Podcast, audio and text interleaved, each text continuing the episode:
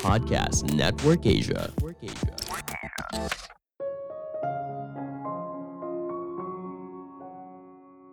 Strategi perusahaan hanya bisa dicapai apabila setiap karyawan bersedia merubah perilaku mereka dalam bekerja.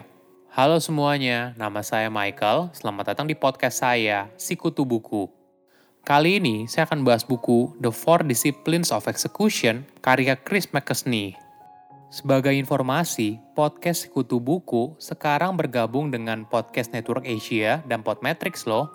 Sebelum kita mulai, buat kalian yang mau support podcast ini agar terus berkarya, caranya gampang banget. Kalian cukup klik follow. Dukungan kalian membantu banget supaya kita bisa rutin posting dan bersama-sama belajar di podcast ini. Buku ini membahas bagaimana cara sebuah perusahaan bisa fokus pada hal yang benar-benar penting. Seringkali pekerjaan sehari-hari di kantor tidak terduga. Ada saja hal mendesak yang harus dikerjakan Rutinitas ini membuat kita tidak bisa fokus pada gambaran besar yang bisa membuat perusahaan tumbuh dan berkembang. Ini adalah tantangan yang sering kali dihadapi oleh banyak perusahaan. Karyawannya sibuk mengerjakan hal yang mendesak tapi tidak penting. Contohnya begini, kamu mungkin saja punya sebuah ide besar yang mampu memberikan dampak yang besar bagi perusahaan. Idenya bagus, tapi ternyata prakteknya jauh berbeda. Seiring berjalannya waktu, fokus karyawan yang ada di perusahaan menjadi terpecah oleh rutinitas harian – tanpa kamu sadari, ide besarmu telah tenggelam. Saya merangkumnya menjadi tiga hal penting dari buku ini. Pertama, fokus mencapai target besar. Apakah kamu pernah punya pengalaman ini? Di awal tahun, kita membuat beberapa resolusi apa yang mau kita capai, entah makan lebih sehat, pergi berolahraga, dan sebagainya. Namun di akhir tahun, resolusi yang kita buat malah tidak tercapai. Hal yang sama juga terjadi dengan perusahaan perusahaan harus terus beradaptasi, artinya harus ada perubahan terus-menerus ke arah yang lebih baik. Jika tidak, maka perusahaan akan lama-kelamaan tidak relevan dan akhirnya kalah dalam persaingan. Mungkin yang biasa dilakukan adalah manajemen menuliskan apa yang ingin dicapai oleh perusahaan dan membagikannya ke semua karyawan. Apakah ini saja cukup? Jika hanya itu yang dilakukan, biasanya di akhir tahun target yang awalnya dibuat tidak akan tercapai. Kenapa begitu? Ada dua alasan utama. Untuk membuat sebuah perubahan dalam perusahaan, dibutuhkan perubahan perilaku dari karyawan yang ada di dalamnya. Perubahan tidak pernah dijalani dengan mudah. Merubah diri sendiri saja sulit, apalagi jika kita harus pengaruhi orang lain untuk berubah. Jika karyawan tidak paham tujuan besar yang ingin dicapai oleh perusahaan, mereka mungkin saja tidak peduli. Alasan kedua, perusahaan tidak punya fokus yang jelas. Setiap harinya, karyawan pasti punya prioritas kerja. Banyak juga prioritas tersebut yang mendesak ini yang disebut oleh Chris sebagai whirlwind. Prioritas ini tentunya menghabiskan banyak waktu dan energi dari karyawan tersebut. Pada akhirnya, karyawan itu tidak bisa lagi fokus mengerjakan tujuan baru untuk mencapai rencana strategis perusahaan. Apa yang bisa kita lakukan? Fokus pada hal yang paling penting adalah disebut Chris sebagai wildly important goal. Untuk menemukan hal ini, kamu jangan bertanya apa yang paling penting. Namun pertanyaannya seperti ini, bagian mana yang apabila dirubah, maka akan memberikan dampak paling besar bagi perusahaan. Nah, hal tersebut nantinya bisa menjadi fokus perusahaan. Chris juga menyarankan, dalam buat wildly important goal tidak perlu banyak, maksimum dua tujuan.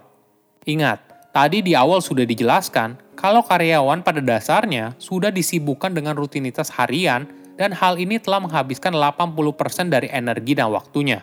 Nah, 20% sisanya harus diarahkan untuk mengejar target wildly important goals.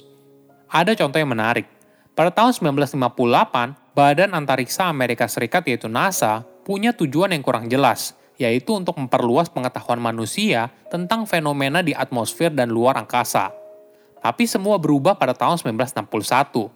Saat itu, Presiden John F. Kennedy secara terbuka meminta NASA untuk menempatkan manusia di bulan dan kemudian kembali dengan selamat ke bumi sebelum akhir dekade selesai. Dengan satu tujuan yang jelas dan jangka waktu yang ditentukan, Neil Armstrong akhirnya menginjakan kaki di bulan pada tanggal 21 Juli 1969.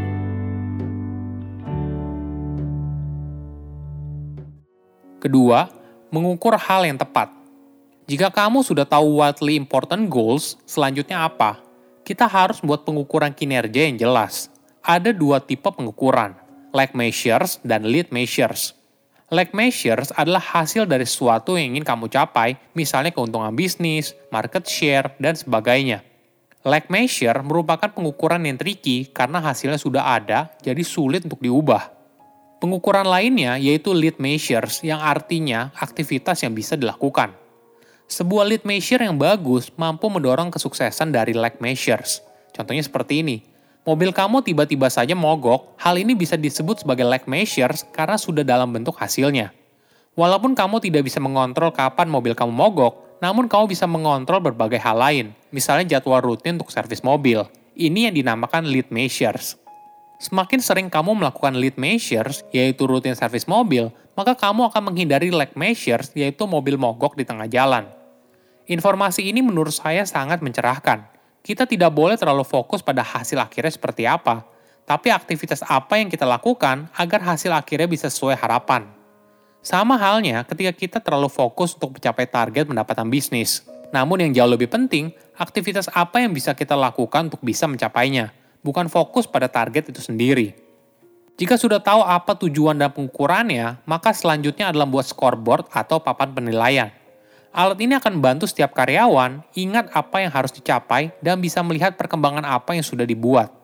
Selain itu, hal ini juga penting untuk terus menjaga motivasi karyawan.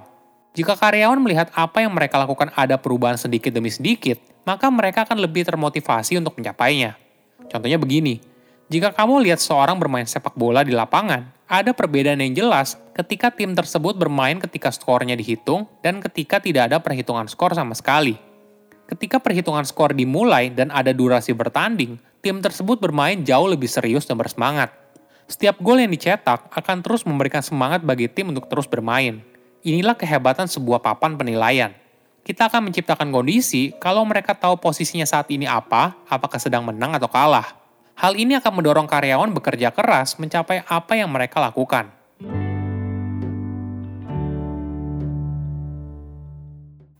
Ketiga, kerja dengan tanggung jawab. Kita sudah membahas tiga poin penting dari awal, mulai dari pembuatan wildly important goals, mengukur hal yang tepat, dan menggunakan scoreboard. Nah, terakhir adalah poin yang paling penting yaitu akuntabilitas. Ini adalah tanggung jawab setiap karyawan untuk bekerja dan berusaha keras dalam mencapai tujuan yang telah ditetapkan sebelumnya. Chris menyarankan agar dibuat pertemuan reguler untuk membahas wildly important goals. Meeting ini dibuat singkat dan membahas poin yang penting, mulai dari apakah setiap karyawan menyelesaikan komitmen yang sudah dibuat minggu lalu, review kinerja karyawan di scoreboard, dan membuat rencana untuk minggu depan. Meeting rutin ini akan memberikan tekanan sosial bagi para karyawan.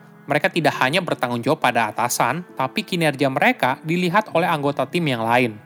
Ini akan menjadi motivasi agar mereka bisa bekerja semaksimal mungkin dan bisa fokus pada tujuan jangka panjang. Saya undur diri, jangan lupa follow podcast Sikutu Buku. Bye-bye. Pandangan dan opini yang disampaikan oleh kreator podcast, host, dan tamu tidak mencerminkan kebijakan resmi dan bagian dari podcast Network Asia.